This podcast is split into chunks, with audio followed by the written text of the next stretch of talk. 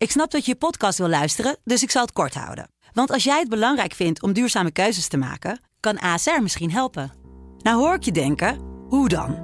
Nou, bijvoorbeeld bij het duurzaam herstellen van schade. Of de premies die we beleggen volgens ons duurzaam beleggingsbeleid. Dat bepaalt waar we wel en juist niet in investeren. Wil je meer weten over welke duurzame keuzes ASR maakt? Ga dan naar asr.nl/slash duurzame keuzes. ASR doet het. Zo, dan kan je nu lekker naar je podcast luisteren. In deze aflevering hoor je het verhaal van Fusako Sano. Een Japans meisje dat op 9-jarige leeftijd door een kidnapper werd bedreigd en meegenomen naar haar bezoekje aan een honkbalwedstrijd.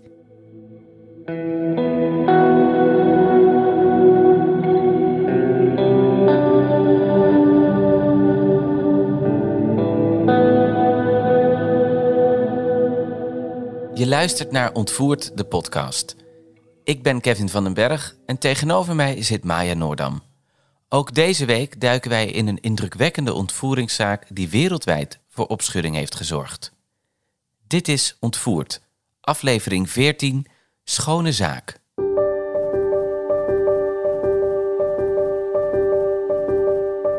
Fusako Sano wordt geboren op 28 november 1980 in het plaatsje Mitsuke in Japan. Haar familie woont in een klein stadje Sanjo, ten noorden van Tokio. Sanjo wordt omringd door bomen en bergen en is dicht bij de Japanse zee. We gaan naar 13 november 1990. De negenjarige Sano heeft naar een honkbalwedstrijd op school gekeken en loopt naar huis. Dat is heel gebruikelijk. In Japan lopen kinderen zelf naar huis, terwijl de gemeenschap een oogje in het zeil houdt. Er stopt een auto naast haar. Sano kijkt op en ziet een man achter het stuur zitten. De man stapt uit en houdt opeens een mes van 16 centimeter tegen haar borst aan. Hij zegt: Stap in de auto of je zit diep in de problemen. Sano is een klein meisje van 9 jaar oud. Ze schrikt, bevriest en kan niets anders doen dan zich overgeven aan de man met het mes. Hij legt haar in de achterbak van de auto en ze verdwijnen. Sano is op klaarlichte dag op haar vertrouwde route ontvoerd door Nobuyuki Sato. Nobuyuki Sato wordt in 1963 geboren in Kashiwazaki City en groeit op met zijn vader en moeder. Het is een rijk gezin. Zijn vader werkte een tijdje als chauffeur, waarna hij zijn eigen bedrijf begon. Nobuyuki's vader was al in de 60 toen hij trouwde met Nobuyuki's moeder, die toen in de 30 was. Vanwege zijn hoge leeftijd heeft Nobuyuki geen goede band met zijn vader. De twee hebben weinig gemeen en zijn vader heeft ook nog eens een psychische stoornis, waardoor hij niet makkelijk in de omgang is. Daarbij wordt Nobuyuki gepest op school omdat hij zo'n oude vader heeft. Het geeft hem veel stress en het zorgt ervoor dat hij zich op sociaal vlak niet goed kan ontwikkelen. Nobuyuki's moeder is het tegenovergestelde van zijn vader. Ze is eigenlijk te lief en zorgzaam. Ze geeft Nobuyuki alles en verwendt hem vreselijk. Als enig kind krijgt hij alles wat hij wil en hij leeft echt een bevoorrecht leven op dat gebied. Tegelijkertijd groeit hij ook heel beschermd op en leert daarom niet goed met andere kinderen om te gaan. Hij heeft een sociale ontwikkelingsstoornis en wordt regelmatig gepest en geplaagd. Hij ontwikkelt daarnaast smetvrees en daarmee gepaard een dwangstoornis rondom schoonmaken. Op een dag loopt Nobuyuki terug van zijn parttime baantje in een autofabriek naar huis. Onderweg loopt hij door een spinnenweb en raakt vanwege zijn smetvrees helemaal in paniek. Hij rent naar huis en gaat direct onder de douche. De situatie is voor hem zo groot en traumatiserend dat hij daarna nooit meer een dag werkt in zijn leven. Een paar jaar later overlijdt zijn vader aan natuurlijke omstandigheden in een verzorgingstehuis, nadat hij eerder uit huis was getrapt door Nobuyuki. Die wordt steeds gewelddadiger en zijn natuurlijke driften komen vaker en vaker naar boven. Buren zien hem deuren en ramen kapot slaan en zijn moeder wordt vaak gezien met een blauw oog en blauwe plekken. Op een gegeven moment koopt hij zelfs een taser, die hij herhaaldelijk gebruikt op zijn moeder. Zij probeert hulpinstanties in te schakelen en vertelt dat ze wordt mishandeld. Helaas worden haar hulpvragen niet opgevolgd, waardoor de mishandeling blijft doorgaan. Ook Nobuyuki's smetvrees en dwangstoornis zijn verder ontwikkeld. Hij is als de dood om vies te worden en wil niemand bij hem in de buurt hebben. Hij heeft zijn eigen schone bubbel en dat mag nooit in gevaar komen. Hij vermijdt wc's zoveel mogelijk. Een jaar voor de ontvoering van Sano probeert Nobuyuki een andere basisschoolleerling te ontvoeren.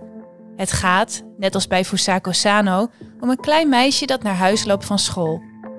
Nobuyuki besluit haar mee te nemen.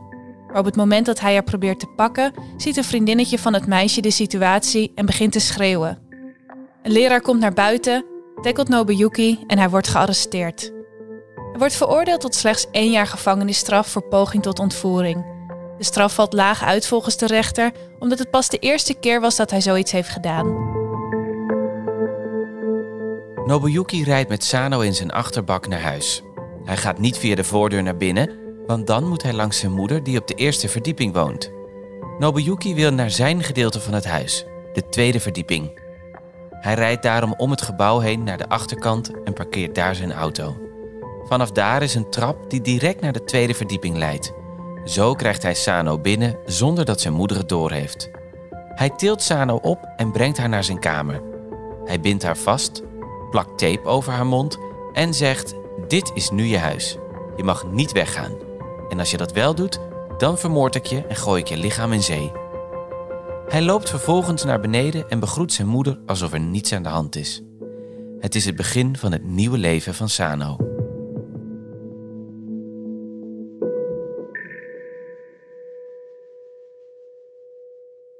Ondertussen gaan er uiteraard veel mensen op zoek naar Sano, die nooit is thuisgekomen van school.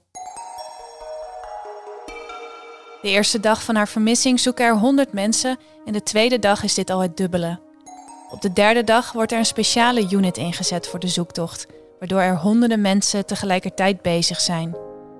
Er wordt gezocht op de grond en vanuit de lucht. Er worden tienduizenden posters verspreid door het stadje Sanjo en omliggende plaatsen.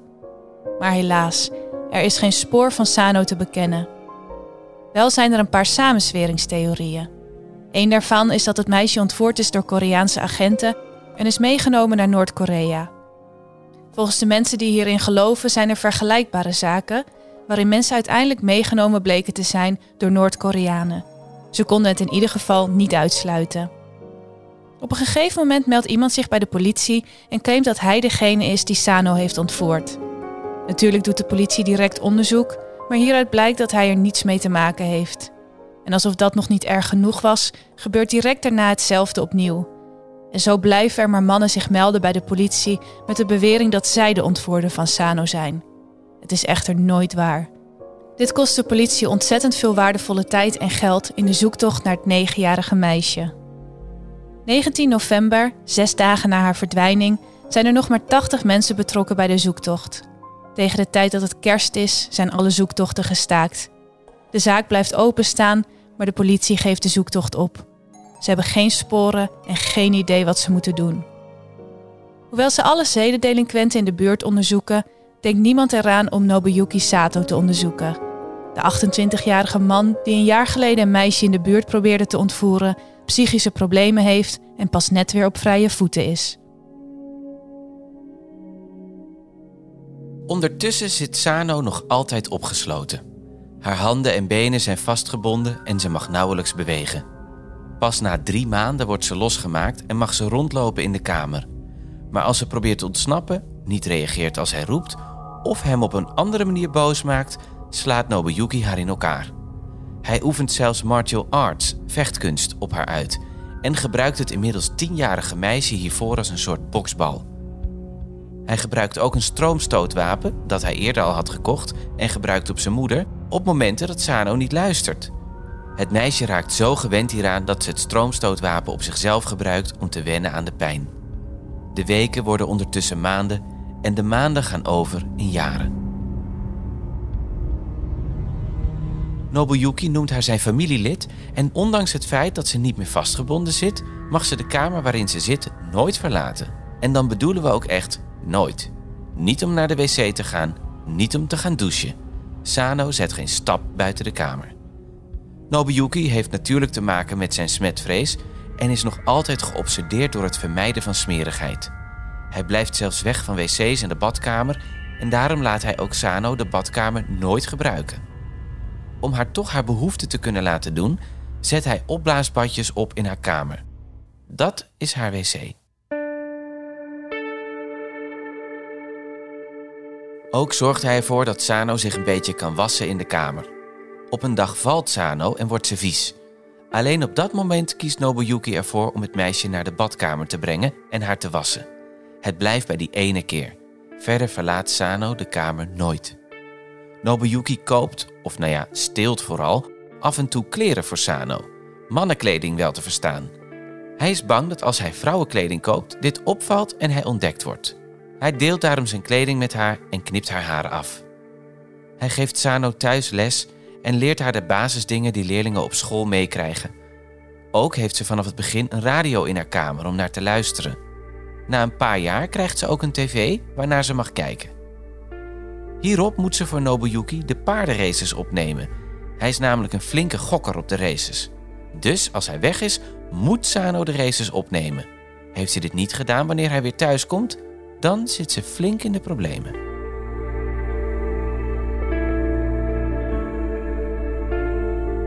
Een van de ergste zaken is het gebrek aan licht in de kamer waar Sano verblijft. Ze krijgt in de jaren van haar opsluiting nauwelijks zonlicht te zien. Als gevolg daarvan ontwikkelt ze geelzucht, waarbij haar huidpigmentatie en oogwit gelig worden. Daarbij maakt de ziekte Sano heel erg zwak. Tegelijkertijd krijgt ze slechts één keer per dag iets te eten. Opwarmmaaltijden, instant noodles of soms iets dat de moeder van Nobuyuki heeft bereid. Dit gaat maar liefst zes jaar lang zo door, totdat Sano flauw valt van verzwakking en een blauwe plek aan haar been oploopt. Nobuyuki is bang dat ze wellicht diabetes heeft ontwikkeld, dus hij voegt wat rijst toe aan haar dieet, waarna ze drie keer per dag iets te eten krijgt. Maar Sano is zwaar ondervoed en uitgedroogd. Ze is heel erg dun en haar spieren zijn gedeeltelijk verteerd. Het meisje kan bijna niet meer lopen. Ook is ze zo bang dat ze niet meer probeert om te ontsnappen. Nobuyuki doet de deur niet eens meer op slot. Ze kan weggaan, maar is te zwak en doodsbang voor de gevolgen. De moeder van Nobuyuki moet ondertussen nog altijd de mishandelingen van haar zoon doorstaan. Keer op keer belt ze met hulpinstanties, maar haar meldingen worden nooit opgevolgd. Tot 28 januari 2000. Na talloze noodkreten verschijnt een team van hulpverleners bij het huis van Nobuyuki. Ze bellen aan bij de eerste verdieping, het huis van zijn moeder, maar daar wordt niet open gedaan. Daarom lopen ze naar de tweede verdieping, de etage van Nobuyuki.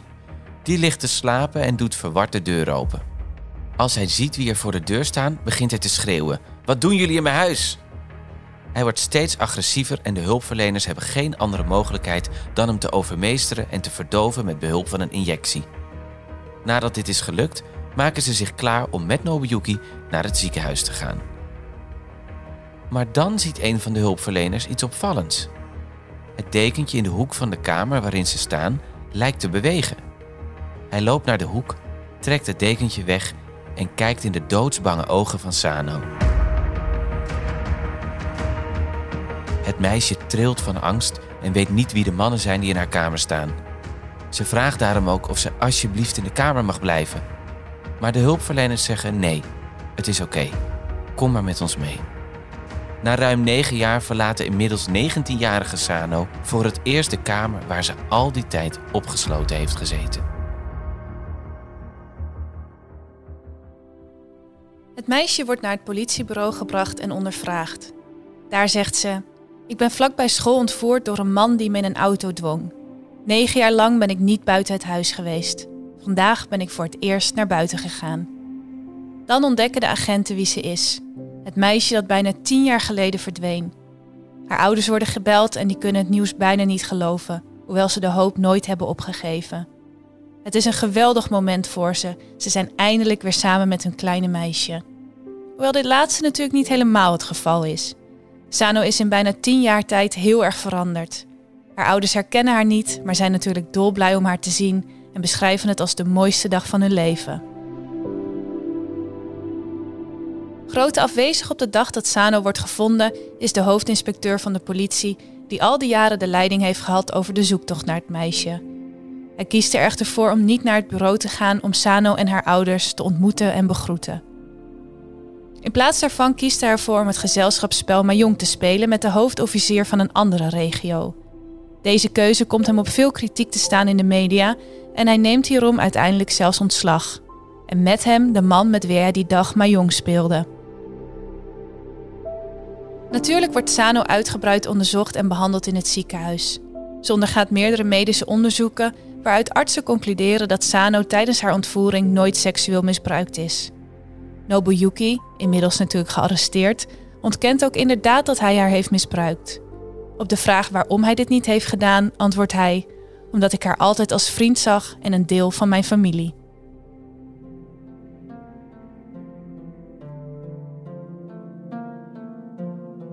Nobuyuki wordt op 10 februari 2000 veroordeeld tot 14 jaar gevangenisstraf voor de ontvoering van Sano. Zijn advocaten proberen hem nog geestesziek te laten verklaren om zo de straf te verminderen. Dit wordt toegekend en de straf wordt inderdaad verlaagd met een aantal jaar. In hoger beroep wordt deze beslissing toch weer teruggedraaid, waardoor Nobuyuki dus alsnog 14 jaar de gevangenis in moet. Hier krijgt hij geen hulp met mentale rehabilitatie. Zijn psychische problemen zijn dus alleen maar erger geworden als hij in 2014 op 52-jarige leeftijd wordt vrijgelaten. Op dit moment is zijn moeder al overleden. Nobuyuki kan geen baan krijgen, leeft op uitkeringen en sterft uiteindelijk. De details hierover zijn niet bekend. De moeder van Nobuyuki wordt een controversieel thema in de zaak. Velen zijn ervan overtuigd dat ze geweten moet hebben wat er speelde in haar huis. Anderen denken dat haar leeftijd, ze was al in de 70, een rol speelde en dat ze bovenal ook een slachtoffer was van haar zoon. Ze werd constant mishandeld en zij was degene die contact opnam met instanties, waardoor Sano uiteindelijk werd gevonden.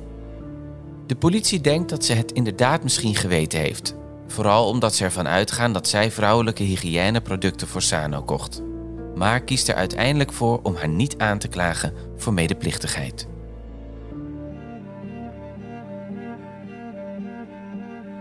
Sano is zoals gezegd ernstig onder voet als ze wordt gevonden, maar herstelt hier in korte tijd weer van. Ze krijgt weer goed te eten en gaat naar buiten, waardoor ze lichamelijk flink aansterkt.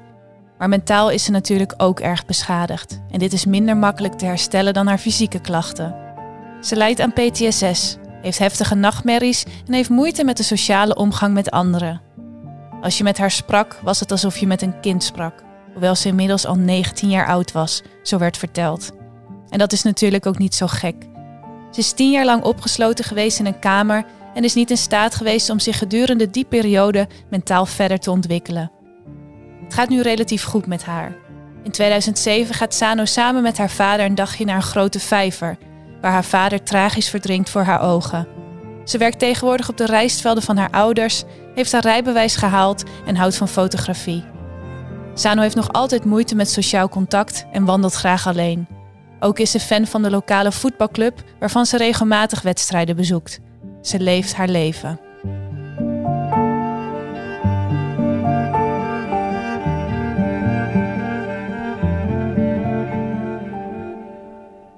Tot zover dit ontvoeringsverhaal van Fusako Sano. Wil je een beeld krijgen bij dit Japanse meisje, jong en ouder, en haar kidnapper Nobuyuki? Kijk dan op onze Instagram-pagina @ontvoerd Volgende week gaan we terug naar 21 maart 2002. De dag dat het Engelse meisje Millie Dowler als vermist wordt opgegeven en vertellen we je over haar ontvoering. Tot dan.